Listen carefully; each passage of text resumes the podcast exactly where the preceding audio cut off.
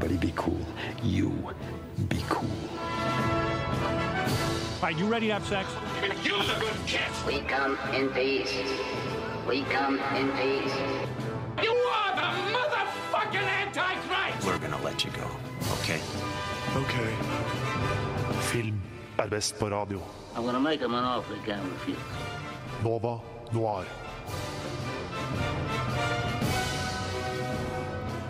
Hallo, hallo, hallo, og velkommen til dagens sending av Nova Noir. Det er torsdag, det er 7. oktober, og i dag så er det dags for et portrett av en norsk regissør.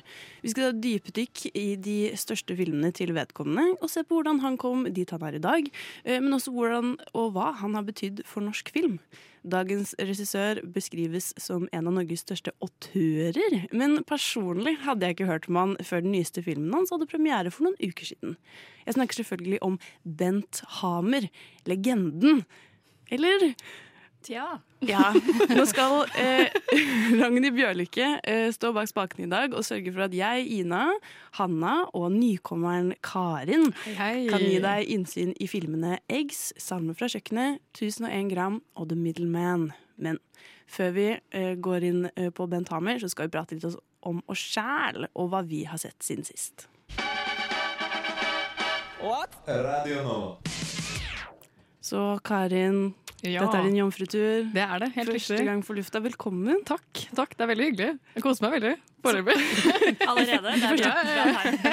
De første ti sekundene er gode. Ja, ja. Men nå har jo du, du har jo aldri vært her, så du kan jo faktisk si eh, hva du har sett i livet ditt generelt, siden alt er siden sist for deg. Oi. eh, ja, det å begynne på de 350 filmene jeg har på IMDb. eller noe sånt. Nei. Eh, siden sist så har jeg sett de fire filmene som vi skal snakke om i dag. Eh, ikke så veldig mye annet, egentlig. Jeg har ikke hatt tid til å se noe annet siste uka. Men jeg, men jeg ser den fordi disse filmene opptar deg Ja, veldig. Ja. Og så blir man litt sliten. Og så må du se dem liksom i flere omganger, for du kan ikke se hele på en gang. Ja, det er veldig, ganger, ja. veldig særegne filmer Ja, eh, som setter sine spor. Men eh, våre lyttere som ikke vet hvem du er, da, Karin. Er det en film du vil trekke frem da, som du syns er fet sånn generelt? Du snakket jo om Mononoke Ja. forrige uke. Det stemmer. Eh, veldig glad i den filmen. Den er veldig bra. Se den, for så vidt. Eh, annen film som jeg har sett i det siste, som er veldig kul. Hva er det for noe? Da kan vi jo sette deg on the spot her. nei, nei. bra film jeg har sett i år. Jo, jeg så Ute så er det hester. Den var skikkelig bra. Den var jeg veldig fornøyd med. Altså, veldig, sykt veldig, veldig? Nei, det er! Fight! Nei, den likte jeg veldig godt. Ja. Oh, har du lest boka, da? Det har jeg ikke. Jeg har bare sett filmen. Nei, ikke heller. Ja. Eh, Men uh, altså, Pål Sverre Hagen er jo flink. Ja, Og men heldigvis er ikke han hovedrollen. Nei, det er sant. At det hjalp, spør du meg. Vi skal snakke mer om Pål Sverre Hagen Ja. i dag. Han er jo en av hovedrollene i The Middleman. Mm. Den ene hovedrollen. Men Hanna, da? Hvis du, har du klart å komme deg unna disse fire filmene vi har sett i dag? Jeg har det. Um, jeg har kommet meg gjennom de, og jeg har også måttet sette de litt på pause og ignorere de. Fordi den siste sesongen av My All Time Favorite Show kom ut på Netflix, og det er The Good Place. Um, jeg er, er en sånn eksistensiell tenker som er veldig eh, nervøs for døden. Veldig opptatt av at eh, jeg vil gjerne ha svar. Eh, og denne serien her er en slags sånn filosofisk greie på at man får egentlig aldri svar. Det er Um, så mye verre hvis du er redd for å dø, og så får du det. Nei, men Det handler om fire stykker som har kommet til etterlivet. Og det handler om liksom deres reise i etterlivet, og at de skal eh, prøve å gjøre eh, Eller prøver å bli bedre i etterlivet enn hva de var eh, i sitt liv på jorda. Og jeg må helt ærlig innrømme at jeg aldri sett en serie som har hatt en så bra avslutning som denne serien her. Uten å spoile for mye hvis man ikke har sett engang sesong én, fordi det skjer veldig mye i denne serien. Så eh, klarte klarte serieskaperen å eh, runde av på liksom den eneste måten som ga mening for programmet. Eh, og selv om jeg ikke er sånn spesielt glad i filosofi, så har jeg lært veldig mye om filosofi. Jeg har lært veldig mye om eh, hva som gjør at man får eh, eksistensielle tanker generelt. Og ja, litt nye tanker om etterlivet og hva det kan være, og utfordringene der. Eh, så hvis noen der ute ikke har sett The Good Place, så må dere se The Good Place. Det er morsomt, det er hjertevarmt, du lærer overraskende mye om filosofi, selv om du kanskje ikke er så interessert og ikke bryr deg. Så ender du opp med å bry deg. Og eh, ja, jeg tror det kommer til å ta lang tid før en serie slår denne for meg. Ja. Så kult. Og det er helt, den er helt ferdig? Den er helt ferdig. Det er bare det er fire sesonger, fordi Michael Schur, han som har lagd den, han var veldig opptatt av at dette her skal ikke være en serie som er dratt ut. Mm. Eh, fordi hvis man drar ut en sånn humorsituasjonskomedie som dette her egentlig er, så mister man litt piffen. Da er det liksom ikke noe vits på et punkt, da. Mm. Så Det er denne ikke full serien eh, supernatural vibe med 15 sesonger og nei, og takk Gud for det. Å, shit, men Apropos ting som dras ut altfor lenge. Mm. Eh, Jeg har jo sett, eh, I går så, så jeg den nye James Bond-filmen. Ah. Å fy, Det er jo den nummer 26 i rekka eh, over eh, James Bond eh, Nå er jeg certified. Nå er jeg sjokkert. Veldig sjokkert. Hva, hva, du liker den ikke? Jo, jo, jeg digga den. Jeg, okay, ok. jeg koste meg så mye. Eh, jeg elsker James Bond. Uh, Syns det er helt fantastisk. Altså, sånn, fordi En av mine favorittsjangere er sånn subtle science fiction. Mm. For Det er sånn, det er veldig realistisk, men så er det plutselig bare sånn, har de sånn super high-tech leppestift eller noe. Eh, Totally Spice. ja, men, Totally jo, Spice. men, Ja, ja, ja. ikke sant? Og det følte jeg de gjorde skikkelig bra i den her. Det er veldig mye sånn Plutselig så bare har de bare helt sjuke gears. Og jeg bare, herregud, dette, jeg elsker det. Det er akkurat dette jeg vil ha. Og det er bra action. Eh, historien er litt sånn mm. Men eh, jeg skjønner veldig godt hvorfor. For greia var at denne skulle egentlig ha premiere i fjor, Ja. eh, men så ble det utsatt pga. en viss pandemi. Og jeg tenkte at det var fordi, sånn som i Dune, så var det jo veldig sånn Ja, men da tjener man ikke nok penger, så da utsetter de den. Og så jeg sånn, faen, James Bond de tjener mad mye penger uansett, har ikke så mye å si. Eh, og, men det som slo meg, er at nå kan ikke jeg spoile noe her, men store deler av denne filmen handler om en pandemi. Å ja, så det var litt sånn dårlig timing? Så det var sånn, når de begynte på det plasset, var det sånn Å ja, jeg skjønner! Dette er ikke så god timing! Uh, så jeg skjønner at de venta til det liksom begynte å gå bedre med verden, Ja. før de ja. slapp den. Men jeg anbefaler den skikkelig. Det er en uh, verdig avslutning, føler jeg. Til, eh, eh, til eh, Daniel Daniel, Craig sin, sitt, uh, sitt, sin tid som uh, James Bond. De legger også ganske godt opp til eventuelt en fremtidig neste 007. Ja, det er bra, da. Og uten at de liksom trenger å være samme gamle, trøtte tingene. Ja, fordi nå er det jo den diskusjonen eh, om eh, kan James Bond være en kvinne? Kan James Mm, Bond være av minoritetsbakgrunn? Eh, jeg synes at Det er en veldig morsom debatt. Det er veldig mye av det på Reddit. Eh, som er både en veldig sånn, vanskelig debatt å lese om fra randoms på nett, men også veldig spennende. Så hvis noen der ute blir litt sånn ekstra interessert, så bare søk litt opp på de diverse kanskje diskusjonsforumene. Mm. for det er veldig interessant å høre hva folk tenker. Og de gjør det på en ganske kul måte i den filmen her. Mm. Og bekrefter kanskje at det er fullt mulig. At uh, 007 er, en, er heller en tittel enn en person.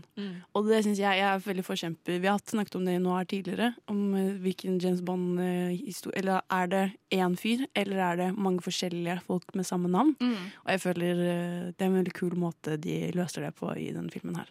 Så om du skal dra på kino og bare kose deg mad med, den varer i to timer og tre kvarter. Oh, Så det er en, det er en, eh, det er en reise. Kan Men, ikke folk eh, bare ha filmer på halvannen time? ja, altså, men det er jo det det? vi skal snakke om i dag. Gjort, da. Ja, ja det, er, sant. Ja. Det er det, som Han er jo utrolig god på å ha uh, porsjonerte filmer eh, på sitt rare vis. Uh, og jeg tenker nå har vi ventet lenge nok, og vi skal gå helt tilbake til Nei, før vi begynner på spesifikke filmer, så skal vi faktisk bare snakke litt om hvem Bent Hamer er. Fordi hvem faen er Bent Hamer, egentlig? Jeg hadde aldri hørt om han. Ikke heller. Ikke sant? Eh, men vi skal prøve å gi deg noe, kanskje ingenting av nyttig informasjon til hvem Bent Hamer egentlig er. Men jeg tenker vi skal eh, heller bare eh, høre en liten låt først, og det er nemlig Gargo Back av Fagernes Yachtklubb. Og nå er vi drøye! Og så er det sånn, men dere er jo egentlig ikke det. Nova Noir. Og nå er det tid til å snakke om The Man of the Hour, of the Two Hours, eh, som man også kan si. Eh, det er jo da Bent Hamer som eh, skal dypdykkes i eh, i dagens sending. Men hvem er Bent Hamer? Nei, si det. Fordi, eh, jeg vet ikke om For dere trofaste Noah-lyttere, så kan det jo hende at eh, dere hørte på eh, vår Filmhøst-sending, hvor vi snakket om at eh, det kom en ny norsk film, The Midman. Og alle på sendingen var sånn Hvem er dette?! Hvorfor er Pål Svarhagen med den?! Hvorfor skal de spille en en film i USA. Eh, vi skal snakke mer om The Middleman etter hvert. Men da husker jeg at jeg leste på NFI, Norsk Filminstitutt. Eh, er det sant? Det, Det er kan- sant. Ja. Eh, og da sto det at Bent Hamer er en av Norges mest kjente autørregissører. Og så ble jeg personlig veldig fornærmet.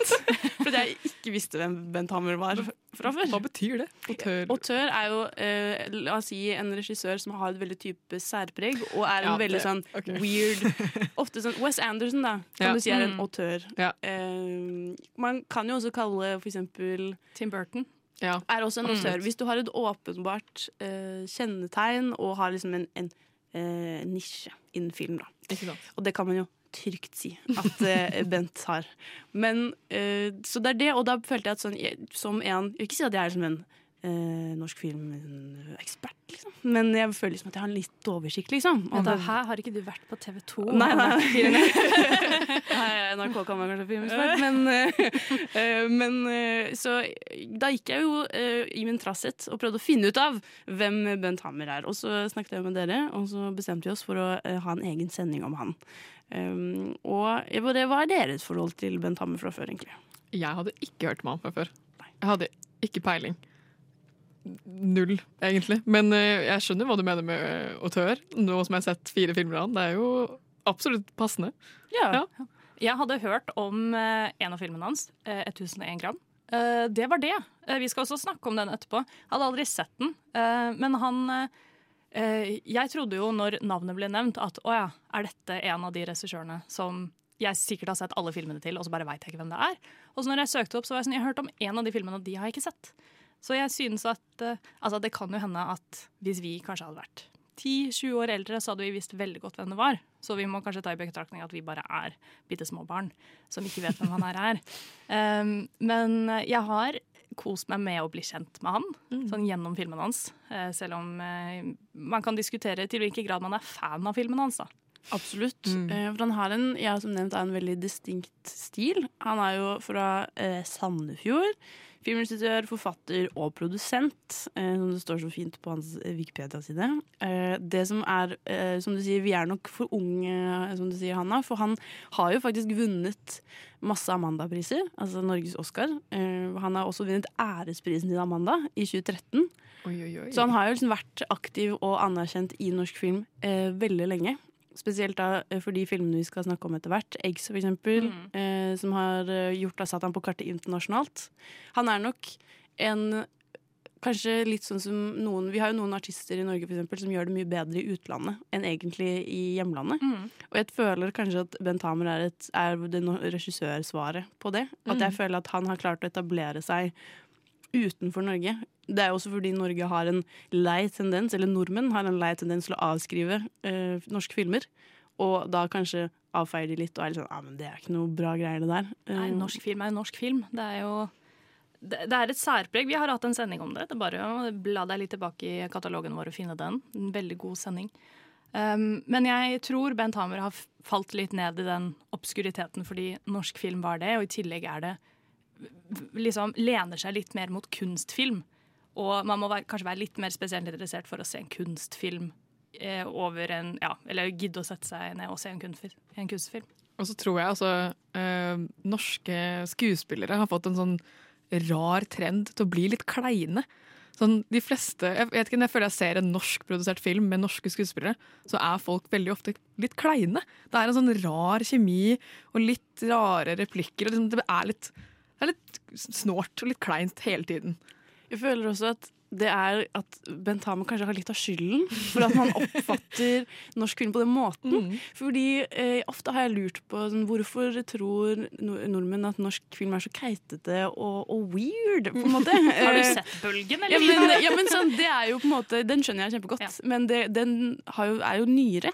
Og så eh, ser jeg det nå, nå med eh, Bent Hamer, og så så jeg nylig 'Tatt av kvinnen' av Petter Næss, den som er basert på en Erlend Loe-bok. Ja, den er også kjemperar, eh, men også skal være litt sånn søt og morsom. Og hvis dette liksom har vært majoriteten av filmene som har fått oppmerksomhet da, de siste årene, så skjønner jeg også at det, det gjenge publikum eh, også tenker at «Ah, OK, men det er dette vi har å ta av. Så da går vi utenlandsk for, utenlands for å finne disse store drama- eller eh, blockbuster-filmene fordi vi ikke har klart å gi de selv. Mm. Men nå snakker vi jo mye rundt Bent Hamer uten egentlig liksom gå inn i, inn i selve eh, massen. Så jeg tenker egentlig at eh, vi lar eh, selve Bent Hamer eh, som person vente. Og så går vi helt tilbake til 1995, hvor hans debutfilm 'Eggs' eh, hadde premiere. Men jeg tenker vi skal ta en liten eh, musikkpause til, og med Linni og låten hans eh, 'Baby, jeg kan vise deg'. Nova Noir. Nova Noir. Nova Noir. What the fuck? Nova Noir. Vi sitter her hver torsdag fra 10 til 12. Nå er det tid for å ta en liten debutfilm. Det syns jeg alltid er skikkelig gøy. eh, Å se hvordan de begynte. Nå har jo Bentern, eh, som jeg liker å kalle han Vi har blitt godt kjent Ja, den siste uka. Ja, vi har, han har jo lagd noen kortfilmer litt før, men hans første spillefilm var jo 'Eggs'. Eh, og det er jo jeg, Hanna og Karin som skal fortsatt sitter her, og som skal ta deg med inn i Eggsland, eller hva, Hanna? Ja, han er Bentern her. Han, han starta karrieren sin fint. Jeg har også gitt han et kallenavn bare fordi fordi det syns jeg er hyggelig. Uh, Eggs kom ut i 1995, men ikke la tittelen lure deg. Dette er en film på norsk. Uh, jeg satt og lurte på om den ikke var det i det hele tatt. Den, uh, som vi nevnte tidligere, vant den også Amanda-pris det år, året etter den kom ut. Mener jeg. Ja, Den har i hvert fall vunnet en Amanda-pris og satt Bent Hamer på kartet på slutten av 90-tallet. Så i de reklameringene for de neste filmene hans så står det alltid på, når man søker opp de gamle plakatene, at regissøren bak Eggs, han er tilbake. Veldig sånn wow. Og da føler man seg veldig utafor når man ikke vet hvem det her er. Um, men eh, Eggs handler om brødrene Far og Mo, eh, som har bodd sammen hele livet i et eh, lite hus i Pokkervoll. Veit ikke hvor det er. Det er ikke så farlig. De bor helt alene. De har ikke TV. De hører på radioen, og livet deres er veldig preget av at de gjør det samme hver dag. De er to pensjonistmenn som gjør det samme og bor sammen. Um, de har vært sammen hele livet, bodd sammen hele livet, bortsett fra en kort tur som eh, far har hatt til Småland i Sverige. Han kommer, eh, kommer kanskje og biter han litt i rumpa eh, senere i filmen. Far han er spilt av skuespilleren Kjell Stormoen. Og Mo er spilt av Sverre Hansen, og Sverre Hansen døde jo da dessverre bare to måneder etter at Eggs kom ut. Så han fikk jo kanskje ikke med seg hvor eh, populær denne filmen faktisk ble. Men eh, filmen handler i hvert fall om at hele deres rytme og hele, eller hele deres rytme i livet blir avbrutt av at far, sønn Konrad, eh, en fyr som kunne ha pakka med seg eh, en kartong med egg, plutselig må flytte inn hos dem fordi hans mor har blitt syk. Det finnes dessverre ingen trailer som var mulig å finne for oss om denne filmen her. Så derfor lurte jeg bare på om vi skal bare hoppe rett inn og snakke om hva er det dere syns om denne filmen.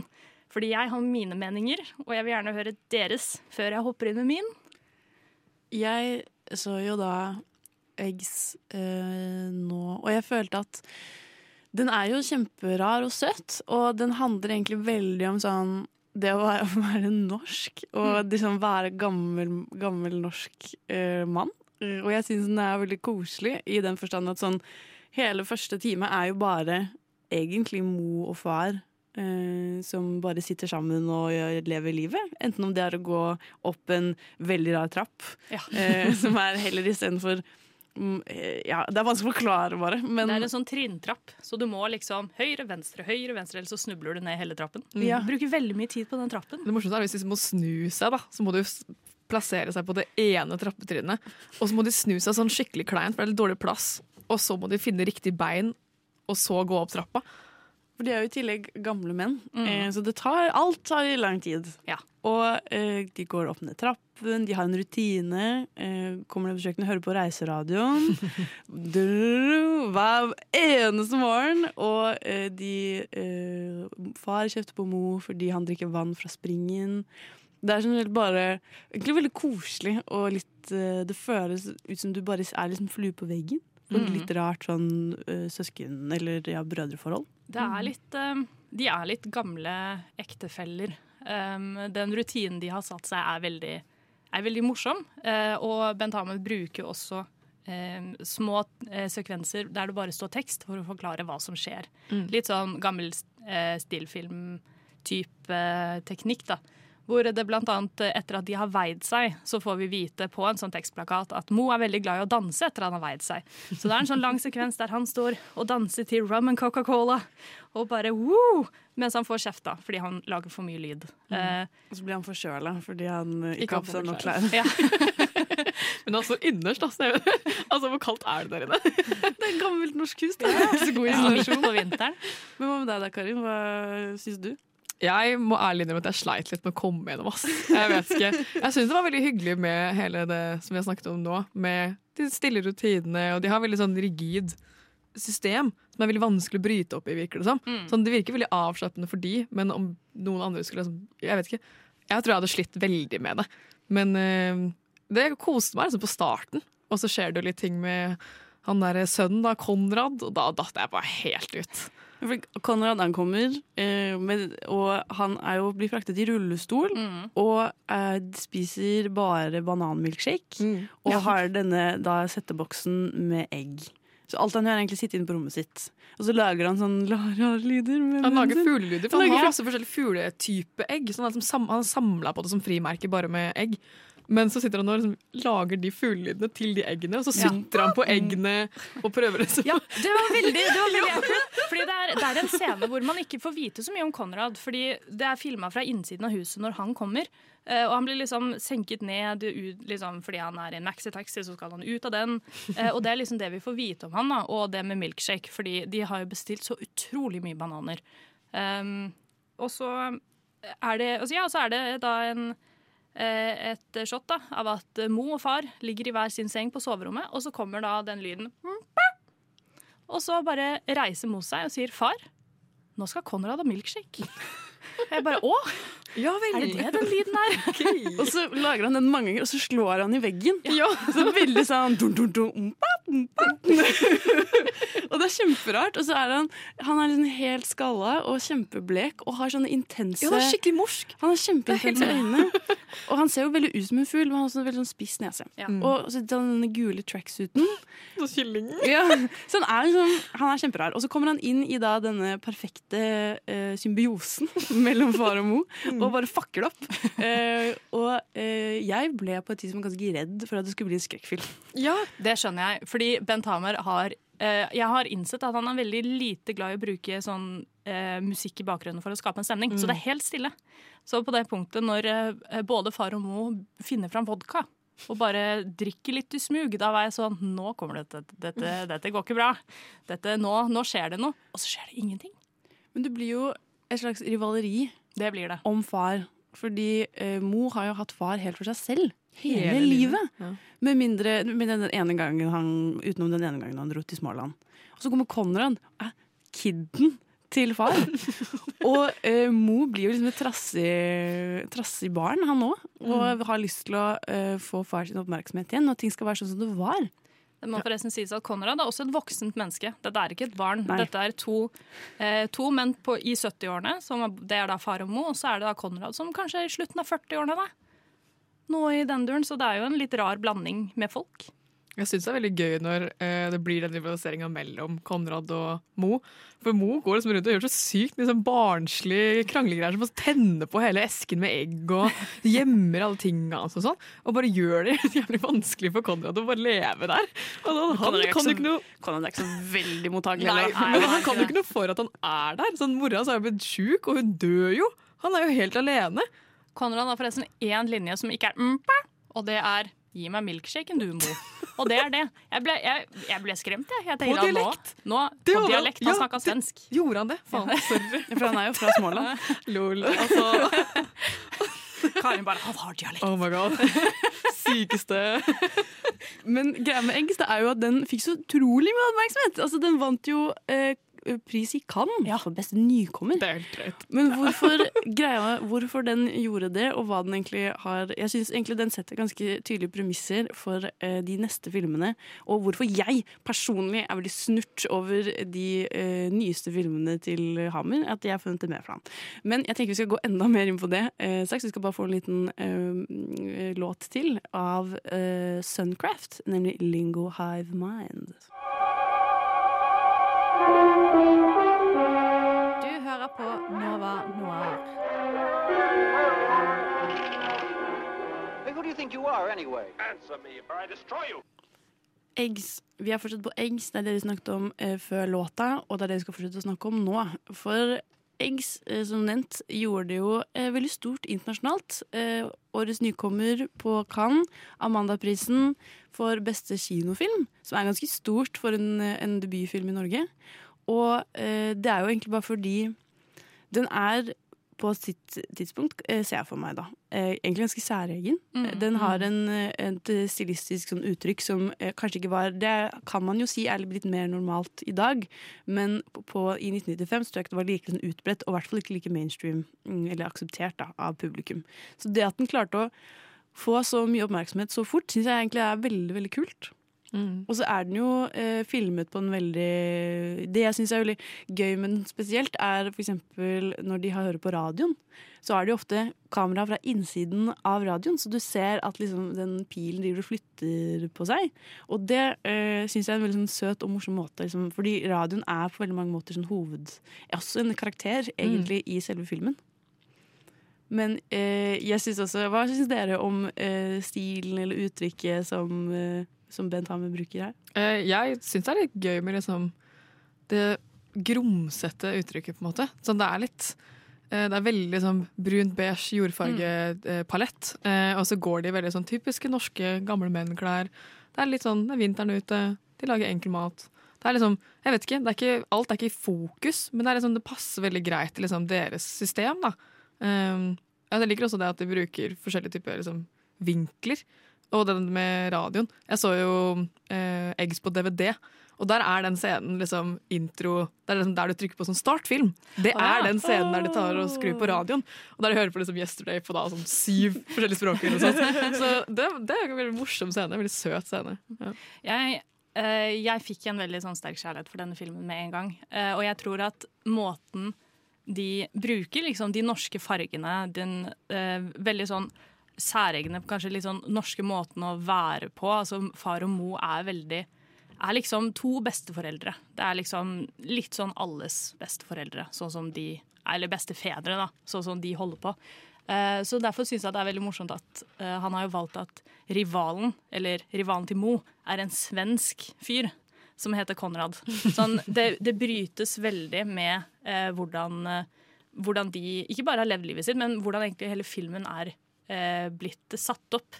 Eh, for det er eh, ja, det er erkenorsk. Blant annet at de synes at det er veldig rart at de må kjøpe veldig mye bananer. For bananer er jo egentlig ikke en, noe som Det har jo blitt en veldig norsk frukt. Men når far og mor vokste opp, så var bananer veldig eksklusivt Mm. og dyrt. Og sånt, og når de da må kjøpe veldig mye bananer, så blir de sånn Å, har vi kjøpt nok bananer? Hvor mye bananer er for mye bananer. Og jeg tror at tre kasser bananer på sånn to kilo hver, det, det er nok bananer, da. Ja, til en banansmoothie til én person som drikker det sånn et par ganger om dagen. Det jeg syns er eh, kult med Eggs, er jo at eh, jeg føler at debutfilmer ofte er Du kan se på en debutfilm for eksempel til Peter Jackson sin. Da. Eh, så er jo den Jeg husker ikke hva den heter, men den er jo veldig sånn uh, grov. Og det er, sånn, det er en science fiction-film hvor det er mye hoder som eksploderer. Og sånn. Man kan til en viss grad se at det hører til, til Peter Jackson. Men det har blitt noe helt annet i dag, og jeg føler også at man kan se at Bent Hamer har utviklet seg siden Eggs, men jeg føler at mye av tematikken han bruker i Eggs, også kan gå igjen f.eks. i Salmen fra kjøkkenet, som er neste film vi skal snakke om etterpå. Og også måten han har, som du ser, en veldig erkenorsk. Han er veldig opptatt av å fremvise, eller avbilde, hva som er typisk norsk. Da. Og han har, mye, har fått også mye hed for det uh, opp igjennom, at han bruker eksempel mye eldre skuespillere. Mm. Uh, mye gamle menn, blant annet. Spesielt den her, både og Salmen fra kjøkkenet og O. Horten, Mm. som er en annen film vi ikke har tid til å snakke om i dag.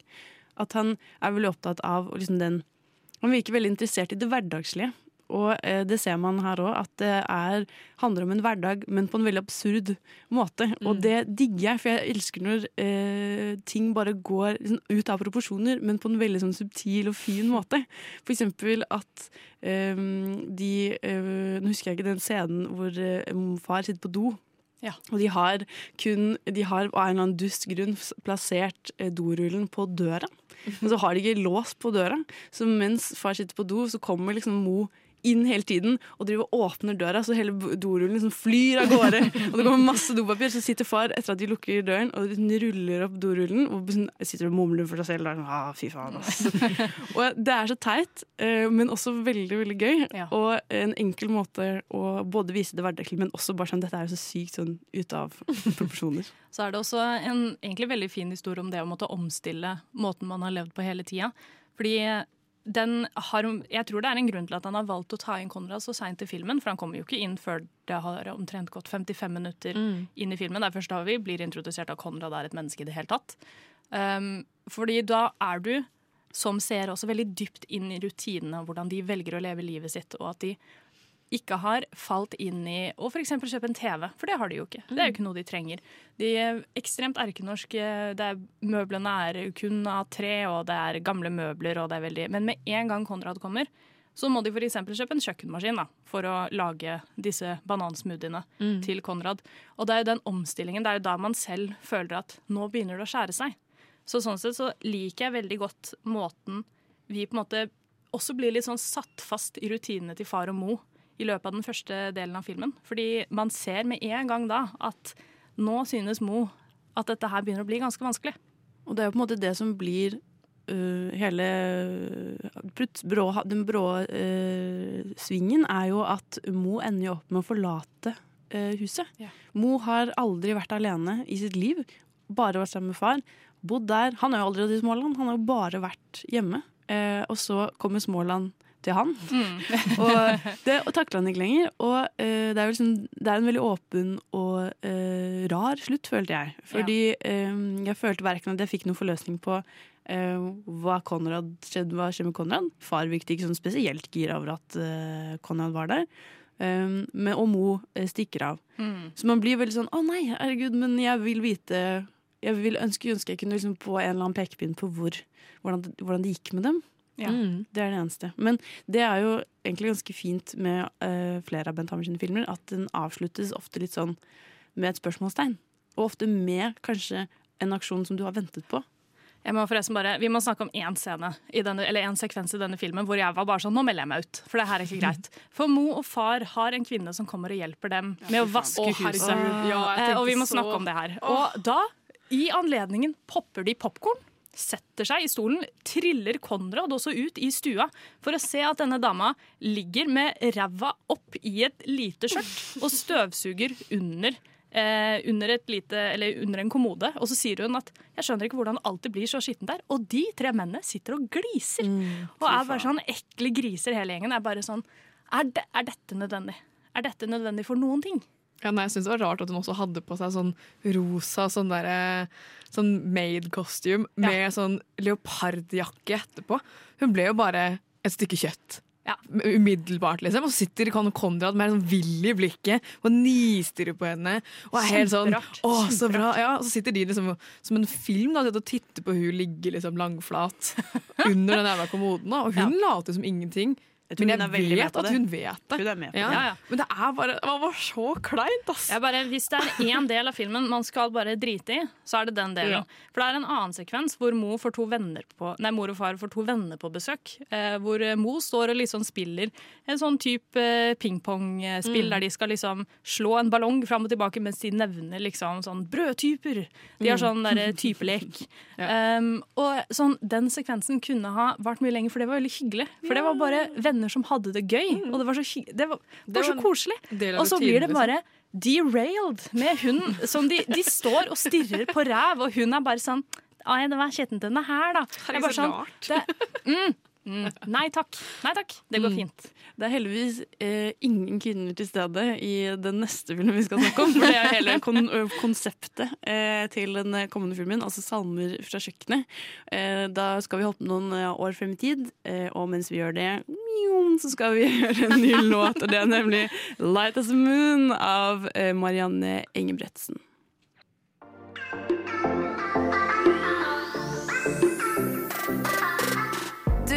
Til Nova Noir her på Radio Nova.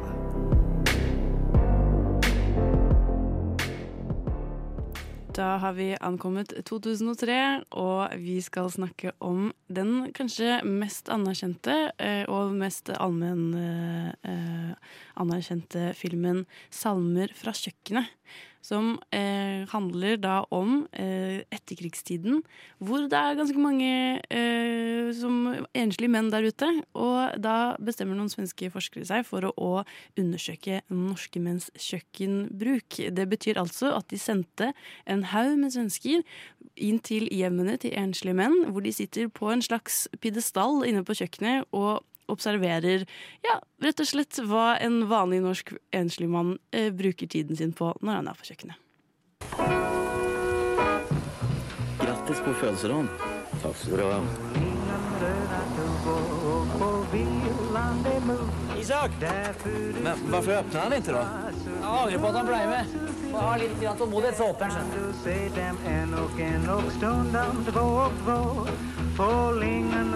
Jag kan aldrig mat i köket. Vi følger da Folke Nilsson, eh, spilt av Thomas Nordstrøm, eh, svensken observatøren som kom på besøk hos Isak, spilt av Joakim Kalmeier. Og Isak er en eh, eldre, enslig mann, men han angrer veldig fælt på at han sa ja. Jeg tror han har blitt eh, pushet ganske hardt av naboen sin til å eh, ha få besøk. Men eh, folket kommer seg inn til slutt, setter seg inn på kjøkkenet, og det blir en slags stille krig mellom folket og Isak, eh, fordi Isak nekter å lage mat på kjøkkenet. Han finner alle andre mulige måter for å unngå at folket skal følge med på han.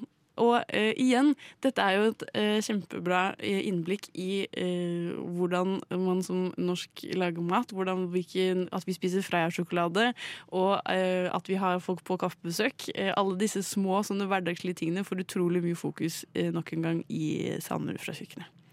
Men hva er deres inntrykk av denne filmen? Jeg syns den var morsom på en annen måte enn hva Eggs var. Um, men jeg, jeg likte likevel å se litt den derre Det er litt sakte film, da. Jeg likte jo ennå å se den. Men mer av den passive, aggressive krigen som foregår mellom Folke og Isak. Eh, blant annet at hver gang Isak går ut av kjøkkenet, så slår han av lyset. Så det er mørkt inne på kjøkkenet. Så han, der Folke sitter og skal observere han, så bare sitter han i mørket. Mens Isak som lukker døra sakte og ser stygt på han fordi han angrer bittert på at han ble med. Og så har han en slags stormkjøkken oppe i andre etasje, eh, hvor han sitter og koker mat eh, i, i stedet for å gjøre det nede på kjøkkenet. Som Mm. du hørte i traileren, så spør, fordi Folke drar må jo få besøk av sin, sin sjef da, for å sjekke hvordan, levere litt eh, rapporter og si hvordan det går. Og så er det sånn, lager han aldri mat på kjøkkenet? Sånn, Nei, det er ikke det. Kommer det matos fra soverommet? Er det det han klarer å innrømme?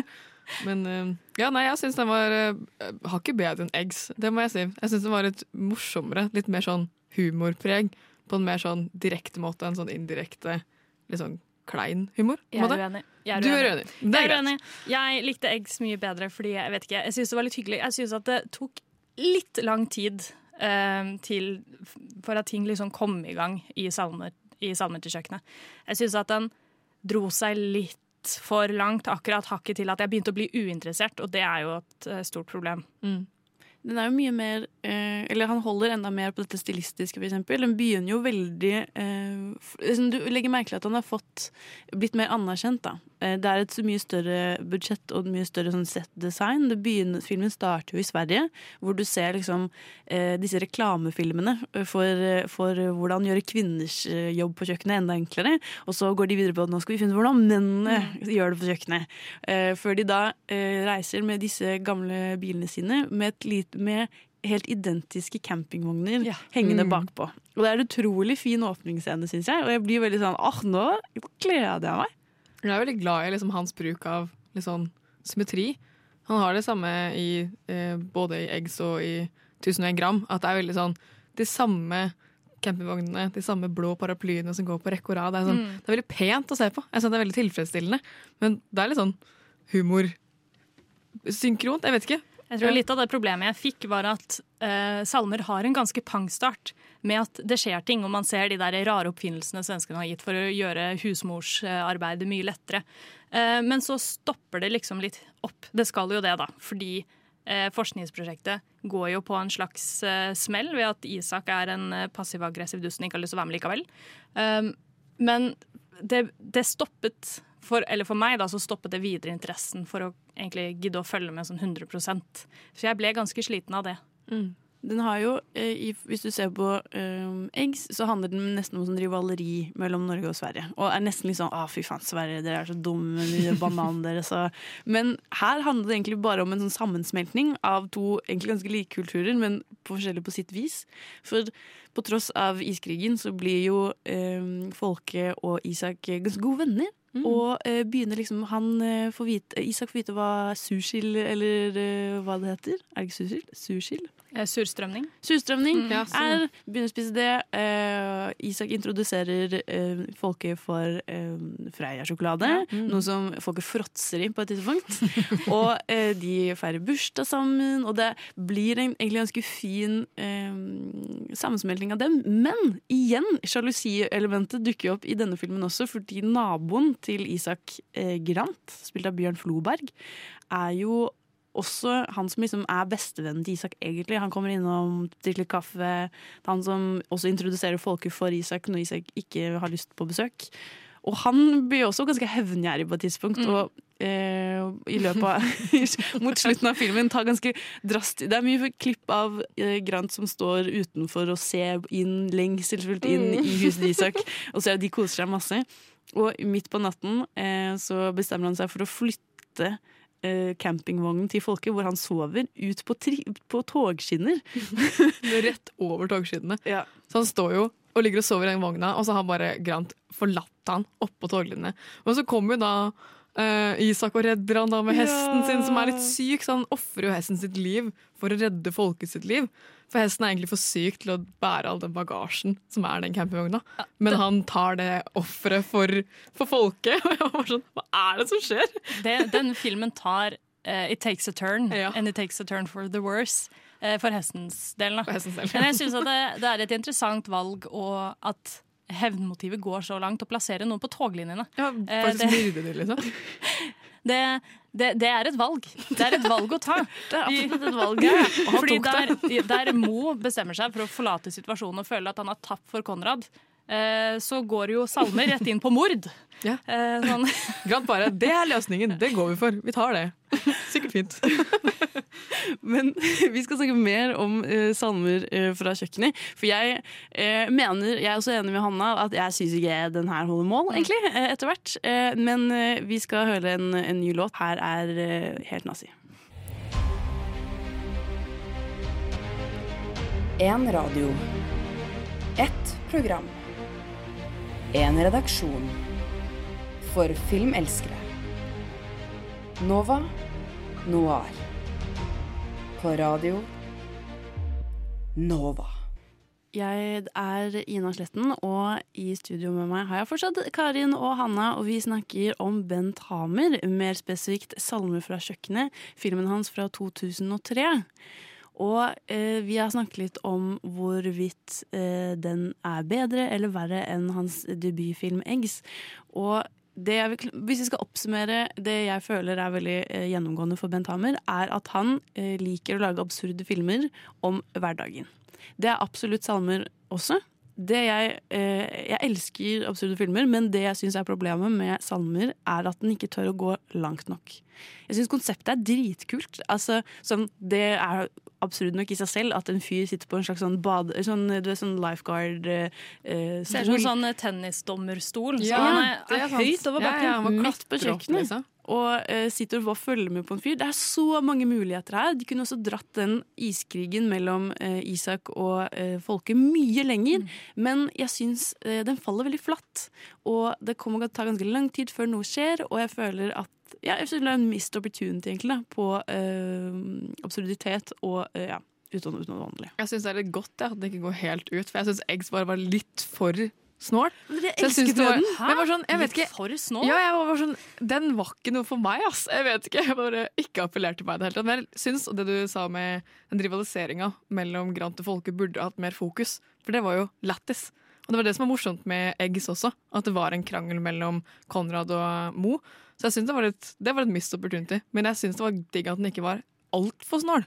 For hadde den vært snålere, tror jeg hadde kjeda meg helt sykt. Jeg Liksom. er, jeg er helt uenig, fordi den ble så, såpass daff at jeg følte at jeg falt av. Jeg måtte se denne filmen i runder, fordi jeg, jeg, jeg orka ikke. Fordi det var liksom, det var sånn, det var ikke et holdepunkt der. Det holdepunktet kom så utrolig seint at jeg dette er vel egentlig den, min minst favorittfilm av dere. Det er ikke noe som heter det, men den, Den grammatikk. Den jeg liker minst av alle, disse, av alle disse fire filmene. Den jeg hater mest. Ja. Og så synes jeg at det, det var sånne småkorn der, som eksempel når um, Isak går ut av kjøkkenet sitt fordi han ikke vil være der, og eh, folket tar opp matpakken sin og har et egg og innser at dette egget trenger salt. Og så må han liksom karre seg ned fra denne stolen og stjele salt, og så blir han flau fordi det blir åpenbart at han har stjålet salt, for akkurat da kommer Isak inn. Og jeg er sånn, sånne moments burde det vært flere av. Sånn den problematikken. Også måtte sitte på den stolen i åtte timer uten å bevege seg. Um, de elementene forsvinner liksom fordi man bare Man skal være den stille observatøren, men det skjer heller ingenting på scenen. Eh, Jeg syns også det er veldig gøy med den scenen der han ikke har fått tak i Isak ennå. Det er som helt på starten, når han akkurat har ankommet liksom, boligen hans og eller bor i den campingvognen da, i hagen hans, og så får han ikke tak i Isak, så klatrer han opp en stige og prøver liksom å banke på soveromsvinduet hans, og får ikke kontakt med han der. Og Han står liksom og venter på den stigen, og så plutselig så har han ikke gjort noe. Han bare står der og venter, banker ikke på, og så åpner Isak gardina og får bare direkte blikkontakt med folket. Og han står der og er sånn Ja, skal du for faen åpne døra her? og Isak bare trekker på gardina igjen og later ingenting. Men det jeg også føler at den ikke trekker det visuelle langt nok heller. Det er derfor jeg liker Eggs bedre, fordi Eggs leker mye mer med perspektiver og mye mer med um, bare hvordan et hjem ser ut. Jeg synes at uh, hvis De først, de er jo bare på det kjøkkenet hovedsakelig, det er sånn der de er mest. Og det er et veldig fint kjøkken. Det er sånn lyseblått og veldig sånn gammelt, tradisjonelt uh, kjøkken. Men jeg føler ikke at det blir utnyttet nok. Og at det um, jeg blir for stillestående for min del.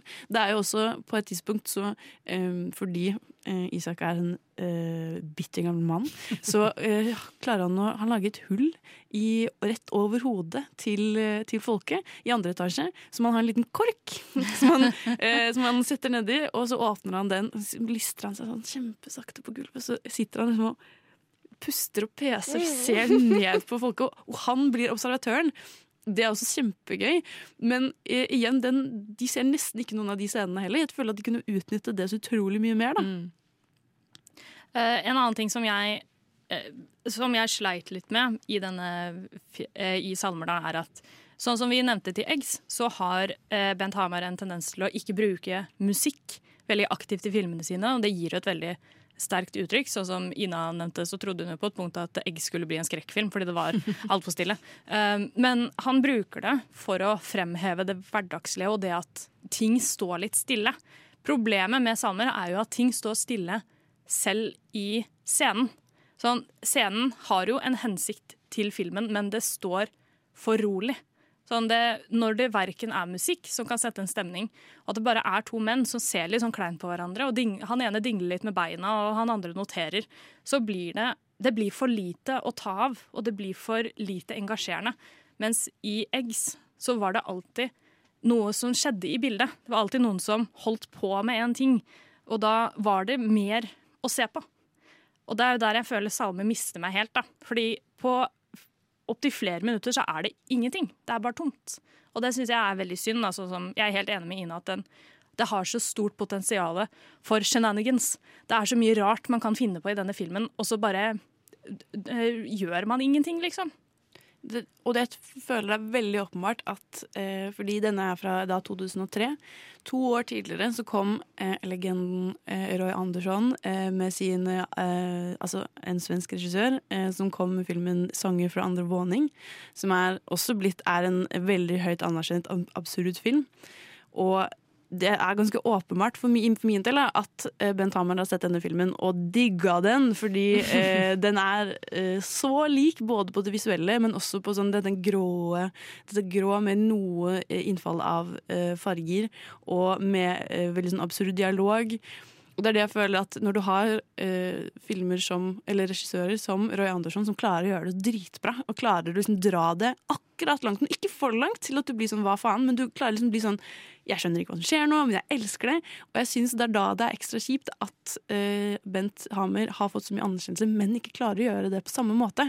Uh, fordi jeg vet at det er så mange andre som som har gjort det på en mye mer uh, stilig måte, da, rett og slett. Så egentlig det at jeg forventer mye mer fra han, nå som jeg har sett Eggs. Men Karin, nå sitter jeg igjen med et inntrykk av at du likte denne her mer enn eggs. Absolutt. Hva er galt med deg? Ja, nei, det Hvor skal vi begynne? Nei, da, da står vi 2-1. Du Ja, tapte. Det er greit. Ja. Jeg, står, jeg står eh, fortsatt fast på det. Jeg likte ikke Men hvor eggs. er det du føler at den redder seg inn på at det er så stillestående? Nei, jeg bare synes at den, Det problemet jeg hadde med eggs, var at den var liksom bare så snål. For snål. Og så syns jeg da Balsame var greit nok snål til at jeg hadde liksom interessen, men ikke ble helt sånn out weirda. av Hva er det her for noe? Jeg skjønner ikke dritt. Spørsmål, Hvilken hadde dere vist på første date? Eh, ville dere ha sett eggs eller salmer fra kjøkkenet? Eggs. Salmer Eggs. fra kjøkkenet. Hva faen? Men vi skal videre på en film som handler litt om eh, romantikk, og som jeg vet at du jeg liker veldig godt, veldig eh, godt. Karin. Ja, ja, ja. Vi skal hoppe ganske langt frem i tid. Vi skal hoppe frem til eh, 2014. Og eh, den eh, filmen 1001 gram, som var eh, Bent Hammer sin siste film før eh, filmen som kom i år. Klønete måte å si det på. Uansett. Jeg skal samle mine ord eh, mens vi hører på eh, Daniela Race sin låt 'Kvarter'.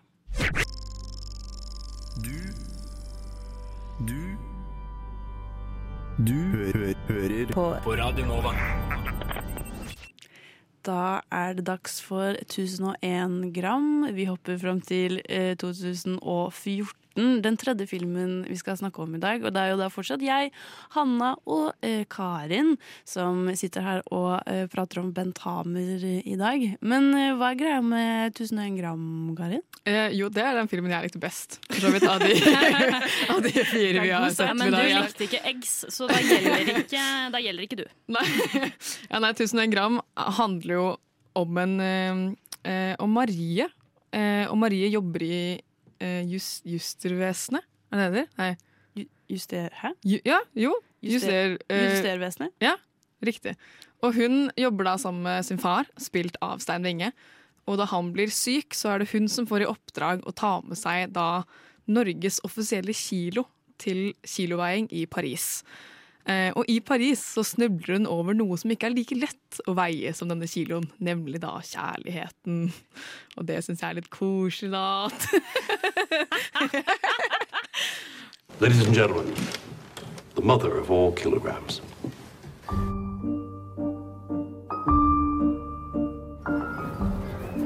Du er jo klar over at eh, du skal ha med deg kiloen vår til eh, Paris. Man determines the definition of weight, but it's equally important to understand what the definition of weight does to man. Combien pèse une vie? Et l'amour? Ça pèse combien, marié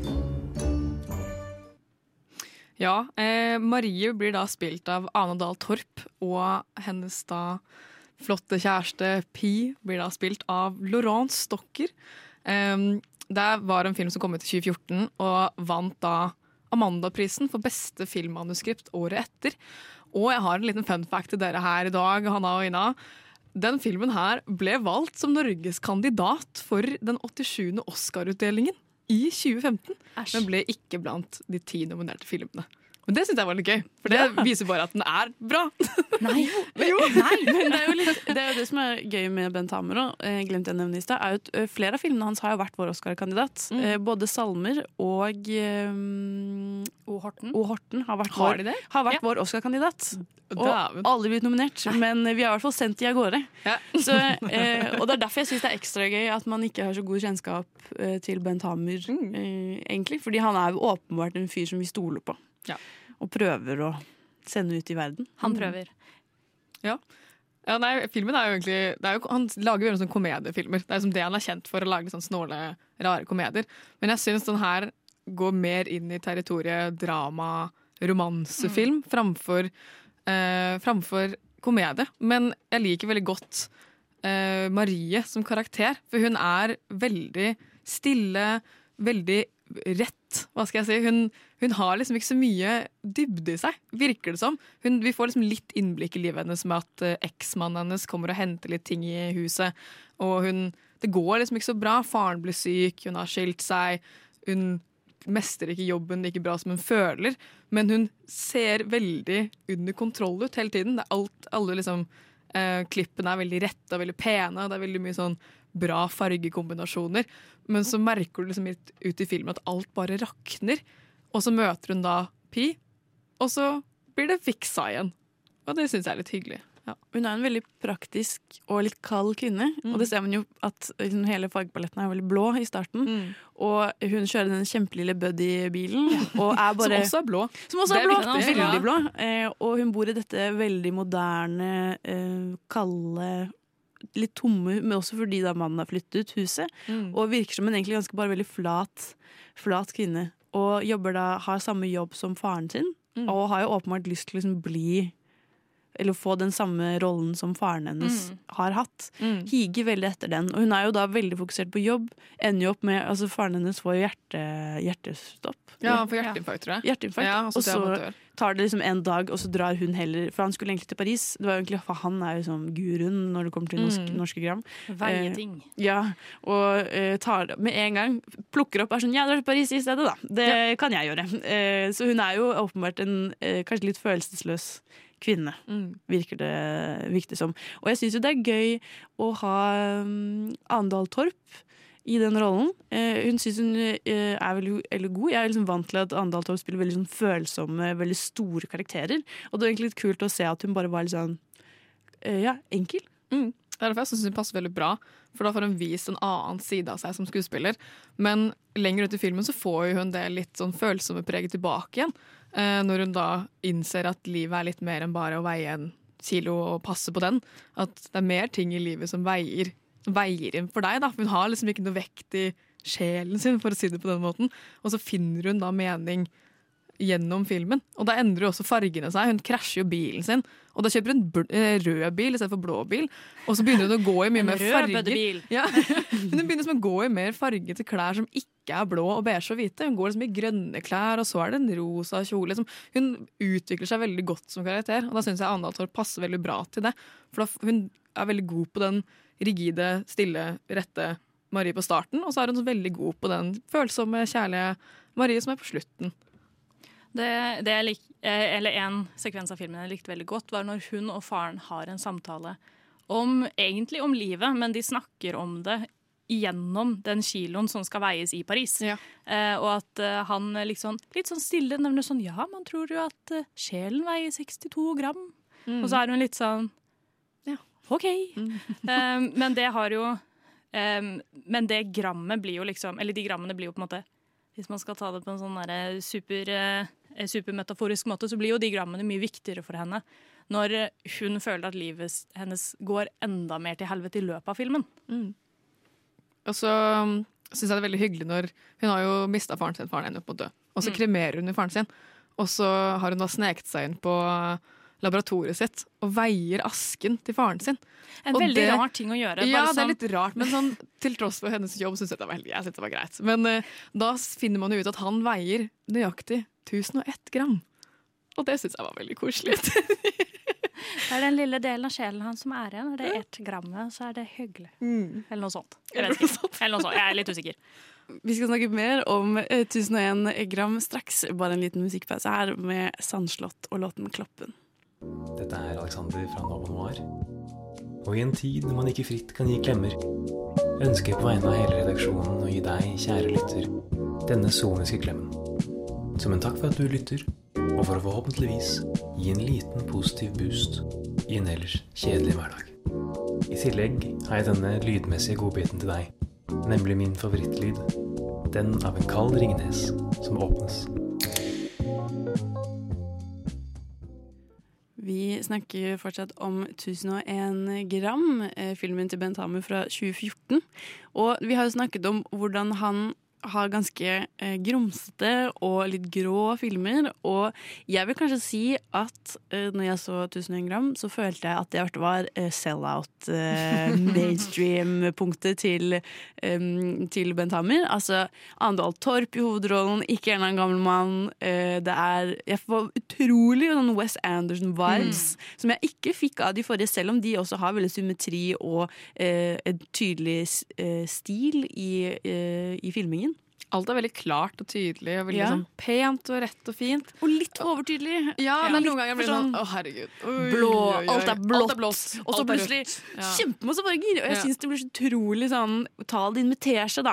Kom igjen, kom igjen, ta det. Men jeg liker også det med det vi nevnte i stad med symmetri med de campingvognene i Salmer. At det kommer liksom på rad og rekke med identiske campingvogner etter hverandre. Og de gjør det samme i 1001 gram med en sånn scene der alle de som er med på dette kiloseminaret, da, for hun Maria har jo blitt tatt med til Paris for å veie denne kiloen, sammen med delegater fra hele verden. Og så går de på en sånn lang rekke med hver sin blå paraply og hver sin kilo i samme hånda, og så går de på en sånn fin, radig rekke. Og det er veldig symmetrisk og pent, men det blir liksom Det er blått, og det er beige. Og så er det rødt, og så er det grønt. Er det, ja, ja. Jeg tror dette er den filmen der Bent Hamer prøver å være mest hashtag deep. Eh, sånn, I starten av filmen så er det en samtale på dette seminaret der de skal veie kiloene. Hvor eh, Det hørte vi i traileren eh, i stad, før, eh, ja, før vi hørte sang, at eh, det er, det er liksom folk som står og snakker som om de er liksom verdensklasse Filosofer, som ja. filosofer. Og er sånn eh, Vi må ikke bare huske på hva, hvorfor vi definerer en kilo sånn som vi gjør, men hva det gjør med menneskeheten. Mm. Og så er det da en eh, mann fra et eller annet afrikansk land, de nevner aldri hvor han er fra, som sier Tror du det er det som er viktigst i dagens samfunn? Og så blir det litt sånn klein stemning, og så Mm. føler jeg at Bent Hamar står bak kamera og er litt sånn «Høhø, gøy. Se, Ja. Ser du den? Jeg, samfunn! He-he. Og så er jeg sånn øh, Ja, men OK. Uh, og det er de elementene av filmen der jeg føler jeg faller av. Fordi de delene han er god på, som er eh, sånn stilisert film, ting går litt sakte, det er ekte mennesker, du får en sånn kobling til folk selv om det er helt meningsløse ting. Der, der jeg, jeg faller helt av. Det blir liksom helt feil, da. Jeg syns det er Jeg synes jeg fortsatt holder veldig godt på den hverdagstingen. Jeg, for jeg føler Mm. jeg har jobbet i øh, Jeg har jobbet i kasse. Og da har vi jo masse vekter eh, for å veie bananer, eksempel. og da står det jo sånn eh, godkjent av, eller, ah, godkjent av eh, Justervesenet. Eller Veievesenet, som man også Mm, kunne kalt det. Men, eh, og da har jeg alltid tenkt sånn Hvem er det som jobber her, egentlig? Hvem er det som driver med det her, egentlig? Ja, og, det er jo, ikke sant? og det er liksom en eh, veldig kul eh, måte å bare vise en eh, en jobb som jeg egentlig tenker ganske mye på i livet Mm. mitt. Uh, eller i hvert fall når jeg jobber i kasse, og hvert fall bare sånn når jeg er på butikken også. Som har en veldig stor innvirkning på mitt liv, men som jeg aldri tenker på. Mm. Og det er også sånn ja, Hvordan er det egentlig man er sikker på at ting veier så mye som de gjør? Så det er på en kjemperar måte en veldig hverdagslig film fremdeles. Og det er sånn konferanse, og du får likevel en sånn Føler meg som en veldig Det er en veldig vanlig person, selv om hun har en veldig rar jobb. Ja, jeg er helt enig med det med det hverdagspreget. For vi får mulig scener der hun sitter i bilen sin og kjører. Hun har besøk i faren sin. Hun er på jobb, hun snakker med kollegaene sine. Det er som, og så møter hun en fyr på det seminaret, da. Og det er jo naturlig at man gjør. Man blir jo kjent med folk. Det er, ja, det er veldig vanlig, men jeg synes det er det er, ikke, det er ikke like snålt som de andre. Og der føler jeg også at Bent Hamer mister meg litt. For han har jo det særpreget sitt med at det er litt snålt, men hverdagslig. Og den her er bare hverdagslig. Den er ikke snål. Brø, det her er kjempesnålt. Det her er folk som Hæ? baserer hele livet sitt på hva ting veier, hvor langt ting er. Men det gjør Sånn- jo alle, Alle i, gjør i, i jobben sin, så har de jævlig spesifikke Ja, greier. men, men altså, hvis vi snakker om den siste scenen, Karin, jeg vet at du hadde Ja, veldig lyst til å snakke om den den. Det er, det er der det kommer fram at det er så jævla absurd. Fordi eh, på slutten av filmen så er man jo sånn ah, nei, vi er så forelska, og de sitter i et badekar, og hun eh, drar fram foten sin opp av vannet og bare Dette er en fot! Fot! På norsk. Den er så lang! Ja, ja. Og så sier han fot på fransk. Og så er de sånn ja. Og så tar hun fra titsa, og så sier hun bryst. Og så sier han bryst på fransk. Ja. Og så begynner de å måle, liksom. Så langt er eh, jeg fra arm til arm. Det, å, det er så mye inches, ja, amerikanske inches, ja. Og så mye tommer. Mm. Og så har du lyst til å fortelle den Jeg siste vil delen. veldig gjerne fortelle den siste scenen, for de sitter da i dette her badekaret. Det er veldig viktig å påpeke. De er nakne begge to når de sitter i dette badekaret og koser seg og er forelska. Og så har de da målt hverandre og funnet ut en fot og en tommer og vingespenn og alt mulig, og da er jo de så forelska. Og blir så tent av, de måleenhetene at hun da setter seg opp på han, og så sier hun Er det 15,5 cm? Og han var sånn Nei, det er 18 cm! Og så slutter hele filmen på en dick joke! Wow, romantisk. Helt rett! Men da kom vi tilbake til komediepreget. Og jeg syns det var lættis. Jeg vil si at Det var den delen av filmen hvor jeg var mest uenig i hva han hadde valgt, men samtidig var helt enig i Ja. at dette her er den eneste måten man kan slutte denne filmen. Hadde den blitt slutta på en sånn stille, rigid måte, så hadde det vært sånn Det er skuffa. Men fordi den slutta på så sykt patetisk dick joke, så var jeg sånn Det redda alt! men det føles jo også ut som at han er sånn Hvordan skal vi slutte denne filmen? Og så har han egentlig planlagt en scene etter det òg, men så bare ble det rart, så han bare slutta det der, eller gikk tom for penger, eller jeg vet da faen jeg. Så det var bare slutten. Mm. Det bare føles ikke ut som en naturlig slutt, men det er samtidig den perfekte slutten for denne absurde, absurde Ja, filmen. det er det. Ja. Jeg tenker også Det er den perfekte uh, slutten for oss å slutte å snakke om 1001 1001 gram. Fordi det tok plutselig noen år før eh, Bent Hamer bestemte seg for å lage en ny film. De skal fra 2014 til uh, 2021, og eh, The Middleman, og det er også da den siste eh, filmen eh, vi skal snakke om i dag. Eh, eller også eh, siste gang, forhåpentligvis ikke. Vi skal høre siste gang av Verdensrommet. Er Inglourious Bastards den beste Tarantino-filmen? Nei, det er jo ikke det. Det er ikke det. det er, er det noen som mener noen av dere det? Nei. Sånn helt Ja. Du mener det? Ja. Film er best på radio. Nova Noir. Kanskje Glorious Bastards ikke er den eh, beste Eller jeg mener det er den beste Tarantino-filmen, men er uh, The Middleman den beste filmen til Bent Hamer, mon tro? OK, det meldes fra her. Dette er da den nyeste filmen fra, uh, fra Hamers uh, hjørne. Ja, jeg føler at um, det er litt som å se en Pokémon gå fra bitte liten til kjempestor, men her går det litt rart. Um, The Middleman er en helt annen type film enn hva vi har snakka om, men samtidig akkurat det samme som det vi har snakka om. Og det har med at uh, Bent Hamar har bestemt seg for at The Middleman skal foregå i en liten beat down fattig by i USA. Men han har dratt med seg hele Norge alle de norske skuespillerne og vært sånn Nå er dere amerikanere. Det er gøy! Så er det sånn hm, Ja, er det egentlig gøy? Så filmen har Pål Sverre Hagen i rollen som Frank Ferrelli. Eh, Han klarer knapt å uttale navnet sitt eh, på en riktig måte, så det er veldig gøy. Eh, og det handler da om Frank Ferrelli sliter med å finne seg en ny jobb, har ikke noe utdanning, har aldri vært utenfor Carmack, det, eller Camac, Carmack, det, den lille byen, da. Det alle alle gatene er helt tomme, og det er en veldig, en veldig annen type vibe i denne filmen. Så jeg tenkte at for å poengtere litt kanskje hvor rart det er å ta norske skuespillere og være sånn dere er amerikanere, så skal vi høre en liten bit av traileren, så skjønner dere som sitter hjemme litt hva jeg mener. What's a middleman do? A middleman brings people news. What happened? They were hit by the train. What are you telling me? Frank, this time you're the one receiving the news. It's your fault, the whole thing. You're bad luck, Morelli. Frank, what have you done?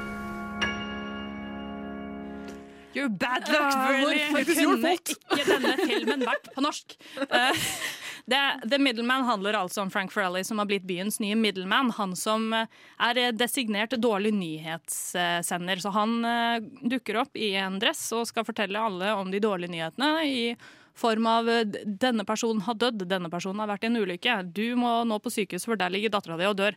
Um, men alt er preget av at det absolutt skal være på engelsk. Um, og på, på et punkt så Altså, jeg tror ikke alle nødvendigvis vil ha et problem med det, men når du har sett amerikanske filmer og TV-serier så mye, så er det et sånt Det er Hva skal man si? Det, bare, det er så åpenbart at istedenfor å ha vært i Carmack i eh, Pokkervoll i USA, så burde dette bare vært i Pokkervoll i Norge. På samme måte som Eggs. Bare plasser det et annet sted. I Norge. Og så kan man gjøre det istedenfor. Jeg syns liksom problemet med at du snakker engelsk, er at de har med amerikanske skuespillere i tillegg. Så det hører så sykt godt at de ikke kan engelsk godt nok. Og så er det kun liksom Aksel Hennie, for han er altså med, tydeligvis. Han er god. For han har jo hatt internasjonal karriere fra før av. sånn, Du ser at hele ansiktet er sånn Ja, men sånn- Can I ask you sånn- a favor? Han hovedrollen er som grei nok, men så er det han Jeg husker jo aldri navnet hans. Han komikeren som er han Hæ? Fausa? Ja. ja han, som, han som er sånn derre It is your fault that the jukebox is broken. Og du bare hører så godt at han burde ikke være med her. Men det jeg synes er, er jo at det er faktisk ingen amerikanske skuespillere med. Hæ? Det er jo da de eh, tre norske, eh, Fause, eh, Pål Svare Hagen og Aksel Hennie. Så har du Tuva Nuotny, Mm. eh, som er svensk. Eh, så har du Niklas Bro, som er dansk. Og han politimannen, han er kanadisk. Så det er faktisk det er ingen Ja, amerikanske men da, skuespillere. jeg tar det tilbake igjen. Det er greit, Vent over. Det er Men- Jeg vil bare si at når vi kom ut av kinosalen, for jeg og Karin så den sammen i går Mm. Det første Karin sa om han som spilte Skjervøyten, var at han var DILF, og hun har fortsatt ikke trukket seg. Han er det, han Skjerven er jo Dilf. Har du sett han, eller? Han har jo det perfekte grå håret, så velstelt skjegg. Han er, karakteren hans er en drittsekk, men han er en Dilf. Shout-out til Oda. Det er jo eh, For å trekke det videre fra DILF-delen, så er det jo en, en film basert på ja, Lars Saabye Christensen Mm. sin bok 'Sluk', og, eh, som handler om Og det er det jeg syns er morsomt, da, er jo når to norske menn skal liksom sette seg ned og være som vet du hva, la meg fortelle deg om hvordan det er å bo i USA. og det er det som er sånn taglinen på filmen også. Er sånn, eh, eller sånn, Hvis du leser uh, beskrivelsen av den verten på engelsk, så er det sånn Ben Tomer tells a story about what it's like to live in a modern USA. Og så er det sånn Hvordan vet Ben Tomer det? En annen ting, en annen ting Vi må snakke litt om manuset på denne, eh, til denne filmen her. Fordi det, det gir veldig mye mening at det ikke er spesielt mange amerikanere som er med på produksjonen av denne filmen her, fordi de sier ting i denne filmen som ingen som har engelsk som morsmål noensinne ville sagt. Som for eksempel da, når Frank Farrelly eller Paul Sverre Hagen får jobb eh, på liksom, The Town Hall for å være middelmann, så blir han fortalt av sekretæren sin Welcome to us. Velkommen til oss. Det er ingen som sier det! Hvorfor ikke bare 'welcome' eller den superamerikanske 'glad to have you on board, champ'? Hvorfor, sånn, hvor er personen som skal lese gjennom manuset og si sånn 'ingen snakker sånn her'? Men det, det er det jeg føler på en måte er poenget, da. Og jeg- det syns jeg er veldig eh, gøy med den. For jeg ofte så føler jeg at jeg ser norsk film, og så tenker jeg sånn å ja, denne burde vært på amerikansk, fordi de har veldig amerikansk-norsk dialog. Men denne filmen satt jeg hele tiden og tenkte denne skal jo være på norsk. Den er også plassert i en, uh, på, i en by som jeg føler er veldig typisk norsk uh, værmessig og utseendemessig også, utenom sånn, de mer sånn nedbrutte uh, delene av byen. Ja, det ser ut som sånn nordisk noir-type. Mm. Og Og den den er- sånn, han derre Steve. Når de kjører ut til han, så er det som å kjøre liksom, Ja. i Norge. Og jeg føler at jeg, jeg så nylig som nevnt eh, 'Tatt av kvinnen', eh, og den er veldig åpenbar en bok, fordi Mm. eh, de prater som eh, bokdialog og forklarer ting på en helt sånn unaturlig måte. Som er greit når du leser bøker, men når du ser det uttalt på film, så blir det feil. Eh, og det er det jeg også føler poenget er i, eh, i The Middleman. Og det syns jeg er helt, helt greit, eh, når dialog er jævlig rar, og keitsende når den er åpenbar at den er rar. Mitt problem med The Middleman dog er igjen at den ikke er rar nok. Den tar aldri fatt og tar aldri Så De har et dritkult konsept igjen med eh, en The Middleman-rollen, men de tar den heller aldri eh, langt nok der heller. Jeg syns de, det er bedre enn 1001 gram. Den er rarere enn 1001 gram. Så han har gått litt tilbake, men han har fortsatt det derre ehm, populærfilmsporet. Der han liksom prøver å lage storfilm, og så er han ikke storfilmregissør. Han er snål kunstfilmregissør. Så jeg syns det er bra at det er litt snålere, men han går jo mer i sånn, nesten sånn krimterritoriet. Jeg vet ikke. Det, det var veldig rart. Nå som du påpekte, Ina, at uh, du syns at det var et poeng å ha eh, rar dialog og sånn, så er jeg enig med at da må det gjøres overtydelig igjen. Fordi det inntrykket jeg satt med her, er noen som har sett på amerikanske TV-serier gjennom hele livet sitt, og så bare vært sånn Akkurat dette kan jeg gjøre uten noe hjelp. Og da falt jeg helt av. Mm, jeg med og det er en Sånn konseptmessig og hva som skjer rent handlingsmessig, så er det en veldig humoristisk film. Men det er også preget av det lingvistiske at det er på engelsk, og engelsk foregår på en veldig annerledes måte enn det norsk gjør. Eh, og den norske kulturen henger også veldig igjen i de norske skuespillerne og i hun svenske skuespilleren, og hele viben blir da feil. Uten at man har gjort det overtydelig nok, da. Vi skal snakke mer om eh, Nei, men ikke 1000 gram, den følger med. Vi skal snakke mer om The Middleman og eh, hvorfor jeg syns den er altfor ja, på en måte eh, kommersiell. Eh, men eh, i løpet av filmen så får jo eh, Frank Firelli en liten upgrade, en liten sånn Må pusse opp for sånn ny dress, og også må lakke bilen sin sort. Så da tenker jeg i hans ære så skal vi spille Svart Lamborghini av Myra. Sagt det, men jeg kan si det en gang til. Radio Nova. På, DAB og nettradio. på radionova.no. Jeg har egentlig sagt det, men jeg kan si det en gang til. Radio Nova. Jeg er ikke ferdig med The Middleman, for eh, Frank eh, Bent Hamer skal være denne absurde uh, og uh, hverdagslige fyren som vi har etablert. Jeg føler ikke at jeg får noe av det, egentlig, eh, i denne filmen. Jeg, dette var den første, det det, for dette er den første Bent Hamer-filmen jeg har sett. Eh, så jeg, jeg husker når jeg så den, så ble jeg bare litt sånn Ok, men Hva er greia med at han her har, vunnet, har vært vår Oscar-nominasjon i så mange år? Og hvorfor er han liksom så eh, høyt anerkjent når denne filmen egentlig bare ikke gir meg noen ting? Jeg satt og følte at jeg Jeg følte meg utrolig lite tilfredsstilt da, etter jeg hadde sett den. egentlig. Men syns du at den uh, går litt i rekkene på filmene hans, nå som du er mer kjent med de andre? Nei, eller en del av de andre? Nå er jeg mer skuffet, fordi, uh, og det syns jeg egentlig uh, generelt, at han begynner på topp med eggs. Jeg Mm. digget eggs. Syns den er uh, kjemperar. Og Ga ikke du den sånn to og en halv stjerne eller sånn? Tre Eh, stjerner? Jeg ga den Det tre stjerner på. Eh, Men sånn, det er det, ikke sant? fordi jeg har gått baklengs. Jeg har på en måte okay. jobbet meg bakover. Og så har jeg sett at likte ikke The Beatleman, sto sammen for kjøkkenet, den var helt OK. Og så så jeg Eggs og var bare sånn Å ja, den er bedre enn alle de andre jeg har sett, så jeg måtte gi den mer. Men at han hadde muligheten til at du bare Han ble jo digget for eggs og Ja. fikk så mye anerkjennelse. Så han kunne jo egentlig i teorien bare gått helt til siden og bare gjort eh, utforsket og prøvd nye ting og eh, på et helt annet nivå. da. Fordi han allerede hadde fått liksom, kommet inn døren for at folk stolte på han. Mm. Jeg tror det er det som irriterer meg med eh, Kino-Norge eller Film-Norge, er at man tør ikke satse på rare greier. Det er veldig mye blockbustere, det er veldig mye sånn krigsfilmer og ting som er safe. Mm. Og da har du folk som Bent Hammer som har muligheten til å bare gå helt bananas, og velger ikke å gjøre det. Det, det er en ting jeg sliter med denne filmen nå, etter å ha sett uh, tre av de andre mer ja, bedre filmene hans, er at jeg sitter igjen med en følelse at jeg skjønner ikke helt hva han vil med The Middleman.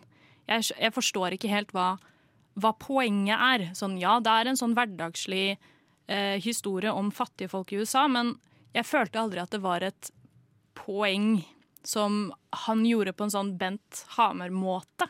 For sånn som sjalusi er et eh, em, en av de tingene som går igjen i hans filmer, og spesielt i 'Salmer fra kjøkkenet' med eh, eh, mord, eh, nesten, så fungerer det ikke på denne filmen her. Kanskje også fordi at jeg henger meg så opp i at de snakker så rart, og at viben da ikke fungerer helt.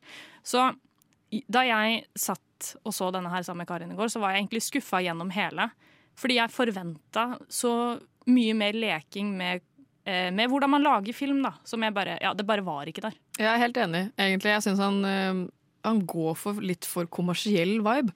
Og så har jeg, jeg så jo Salmer først, og så Eggs, og så 1000 gram av Middleman. Mm. Så det var sånn, det siste jeg så, var The Middleman. Ja. Og den var jo ikke det samme som de andre. Så, ja, det er litt morsomme biter der. De blir stående litt for lenge i en scene, og det blir sånn kleint, og de ser litt rart inn i øynene på hverandre. Sånn, så det er litt sånn komediepreg. Men jeg syns han har gått vekk fra hele, hele greia si, og jeg syns det er litt synd, sånn som du nevnte, Una, med at han, han har liksom muligheten til å være skikkelig absurd, og så blir han bare kommersiell. Og det syns jeg er litt synd. En annen ting som jeg synes var litt synd, eller bare sånn disclaimer hvis du har tenkt å gå og se denne på kino, som er sånn, gjør gjerne det. Bare ikke kjøp popkorn. Ikke kjøp godteri, fordi denne filmen er så stille. Det er så intens stille at man hører alt. Jeg og Karen gjorde den feilen at vi gikk en- innom og bare være sånn Å, smågodt, det er gøy! Så kan vi sitte og se filmen. Og det, det var altså så stille at vi kunne ikke ta på posene. Vel grusomt. En fyr sovna og snorka. Eh, Man hørte alle som hosta og harka. Det var, Det var så kleint. det, var, det er veldig sånn, Du må bare være innstilt på at dette her er ikke en kinofilm. Sånn, det er, det, sånn som vi har snakka om, så er filmene hans veldig stille. Og denne her er ekstremt stille på kino. Eh, Så ikke tenk at du kan smatte i deg veldig mye popkorn, fordi alle kommer til å legge merke til det. I hvert fall hvis man er ti i salen, da, som vi var. Vi var ikke akkurat så mange. Nei, men nei, vi var ikke det. jeg skulle jo flytte min godtepose fra fanget. Jeg, har veldig, jeg merket veldig fort at jeg var ikke så jævla keen på godteri, så jeg hadde liksom spist tre biter eller noe sånt, og så skulle jeg flytte den posen. Og det var ikke noe musikk, det var ingen replikker, det var liksom bare stille på skjermen. Alle satt stille i salen, og det var bare Du, bare, du hørte det så godt at jeg prøvde å flytte den jævla posen vent da, det er en opp til bordet. her. Bare hør på det her. Ekstremt, liksom. Så hvis du skal se den Jeg ville nok ikke sett den på kino igjen. Nei. Det er ikke en sånn type film. Du kan godt se den på kino, bare ikke kjøp noe. Nei. Og hvis du skal ha noe å drikke, kjøp juice. Ja, ikke, noe med, ikke noe med kullsyre, for da hører du den der psh, hver gang du åpner den. Og så var jo også vi den, de eneste i salen som hadde kjøpt ting, fordi vi var der sammen. Vi var der klokka fire på en onsdag. Ja, det er kanskje noe med det å gjøre også. Ja, Jeg tror det. eh, det var liksom pensjonister og liksom folk som var sånn 'Å, vi er her på date før vi skal ut og spise' og sånt. Det, det fungerte ikke. Jeg, vi dro ned gjennomsnittsalderen ganske kraftig med å bare eksistere inni ja. den salen. Men tror dere, Nå har jo han hatt et ganske godt uh, track record med at uh, de fleste filmene hans blir Oscar-kandidater. Eh, tror dere at det blir Norgeskandidat neste år? Jeg håper ikke det. Jeg håper det blir som den derre um, Verdens verste? Den håper jeg faktisk Ja, det det blir blir. mest Ja. det. Ja, Ja. for den virka sykt bra. Den traileren var jo på kino når vi var der. Mm. Og jeg elsker jo Herbert Nordrum. Han er jo så kjekk og så søt og så flink og han talentfull. Han er digg. han er dilf. dilf og digg. Emil Nicolas, du er jævlig heldig. Ta godt vare på han. Men eh, The Middleman er altså ikke kanskje eh, ja, den største skuffelsen eh, fra Bent Hamer, eh, rett og slett. Og jeg tenker vi da bare pakker den rolig sammen. Mm. Eh, absolutt dra på kino og støtt norsk film. Men det er også lov å hoppe over akkurat den her. Um, Kanskje Se heller verdens verste menneske. Ja, når den kommer neste uke.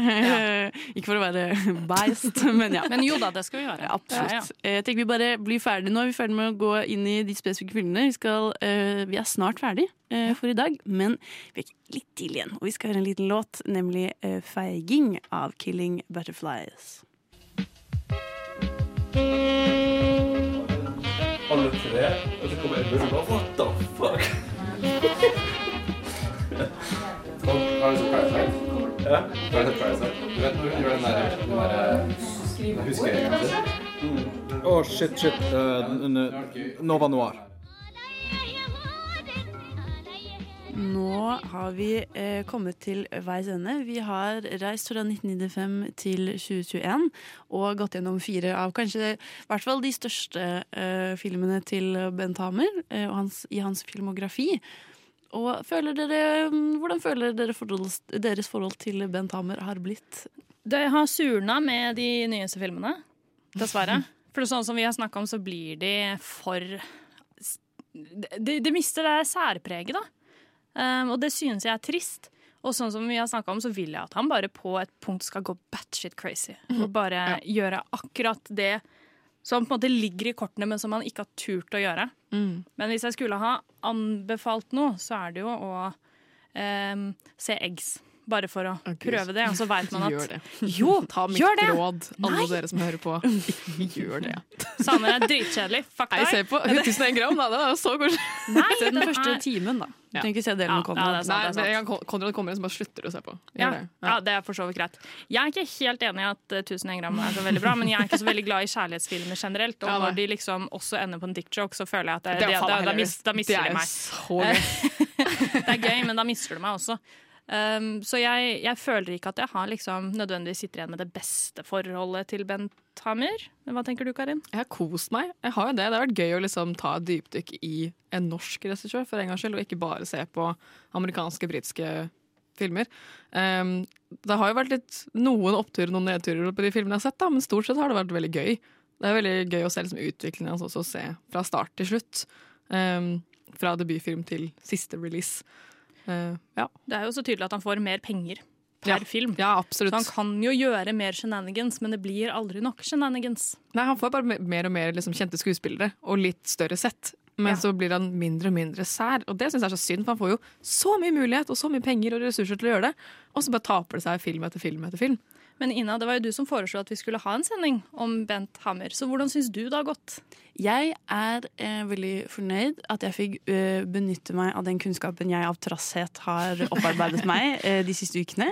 Eh, jeg føler jo at jeg er veldig glad for at jeg eh, kjenner til han mye bedre nå. Jeg føler at eh, det forklarer i mitt hode da, mye om eh, norsk eh, film, og også at um, jeg føler han er et veldig viktig um, en, en viktig eh, regissør i både eh, vår filmhistorie, men også sånn for å forstå liksom, det internasjonale klimaet, hva som er forventet av regissører på, eh, i 1995 eller 2003 og sånn. Så jeg er veldig glad og fornøyd eh, for å ha eh, fått en bedre forståelse av hvem Bent Hamer er. Og det er alltid gøy å eh, lære nye ting, spesielt om norsk film. Mm. Jeg føler liksom at det er en kategori jeg selv prøver å få mye mer kunnskap om. Absolutt. Absolutt. Men er du fan, da? Nei. Nei. Dessverre. Det var Jeg har skikkelig lyst Jeg har veldig veldig, veldig lyst til å like han. Og det er det jeg føler hver gang jeg starter en film. At jeg blir sånn, vær så snill. Ja. Jeg liker konseptet så utrolig godt, men så bare blir jeg utrolig skuffet. Mm. Eller lite tilfredsstilt er vel det. Jeg skulle ønsket meg mer. Jeg synes det, er, det er én ting jeg syns han er god på, så er det liksom å slutte film. Sånn Sluttscener syns han har vært liksom generelt ganske god på. Men det baserer du på Nei, dick-joken. jeg syns jo også liksom, Egg sin slutt var kul, med at uh, Mo drar. Eh, nå husker jeg Jo, slutten til eh, Salmer er jo at han da ditcher hele jobben sin for å bo med Isak. Ja. Jeg synes Ja. det var veldig hyggelig. Og at Isak kanskje dør. Ja, og så det var veldig hyggelig at liksom, i Middleman Men det er slutten, jeg skal ikke spille, for den er ny. Så heller gå og se den enn at jeg skal spille. Men jeg syns han er god på liksom, sluttefilm. At han setter liksom, filmen i et Ja, lite spørsmålstegn. Mm, er du drar liksom fra filmen, og så har du noe å snakke om når du drar. Hadde jeg sett liksom, Salmen på kjøkkenet, så hadde jeg hatt noe å snakke om. Hadde jeg sett Egg, så hadde jeg hatt noe å snakke om. Jeg vet ikke, jeg, jeg liker liksom han, men jeg er ikke fan. Nei. Ja. Nei, jeg ser Hvis det det. mening. Ja. Ja, men absolutt. Og jeg tror at nå har jo forhåpentligvis kanskje Bent Hamer kommet tilbake for å lage mer film. Nå har det liksom Mm. vært et veldig stort eh, mellomrom der, mellom 1001 gram og eh, The Middleman. Så håpet er jo på en måte at han skal fortsette. Kanskje bare få eh, hoppe seg, komme tilbake på hesten. Mm. Skjønne at OK, men jeg kan faktisk Nå er han såpass gammel, han kan bare gjøre hva han vil! Han må gjøre hva han vil! Ta alle pengene og bare um, bruk de Gå på helt batshit Ja, crazy. Gjør det! Ja. Bent Hamer, vær så snill. Vi ber gjør gjør det i Norge. Bare Ja, sånn. ikke Ja. gjør det samme du gjorde Nei. Vi bare Nei, snakker ikke om det. Vi trenger ikke snakke om Vi det bare. Det fint. Vi bare, vi bare vi glemmer det nå, og så går vi videre. Hvis noen der ute har lyst til å se The Middleman, vent til den kommer ut på en streaming-service. Ja, helt enig. Bare, sånn, Helt bare, enig. bare gjør det. Med det så tenker jeg at uh, vi sier takk for i dag. Uh, jeg har jo da vært uh, Ina Sletten, og sammen med meg har jeg jo hatt Karin Grette. Og Hanne Holm Aune. Og som alltid vår trofaste verdens beste tekniker Ragnhild Bjørlykke har hjulpet oss eh, gjennom dagens sending. Eh, jeg takker eh, for oppmerksomheten. Håper du går ut i hverdagen og tenker ah, er det en av de, disse norskfilmene jeg skal titte og sjekke ut i dag. Det håper jeg. Eller så kan du også se James Bond på kino. Jeg anbefaler skikkelig. Det var skikkelig gøy. Uansett, takk for meg. Ha en for, eh, flott uke og snart god helg.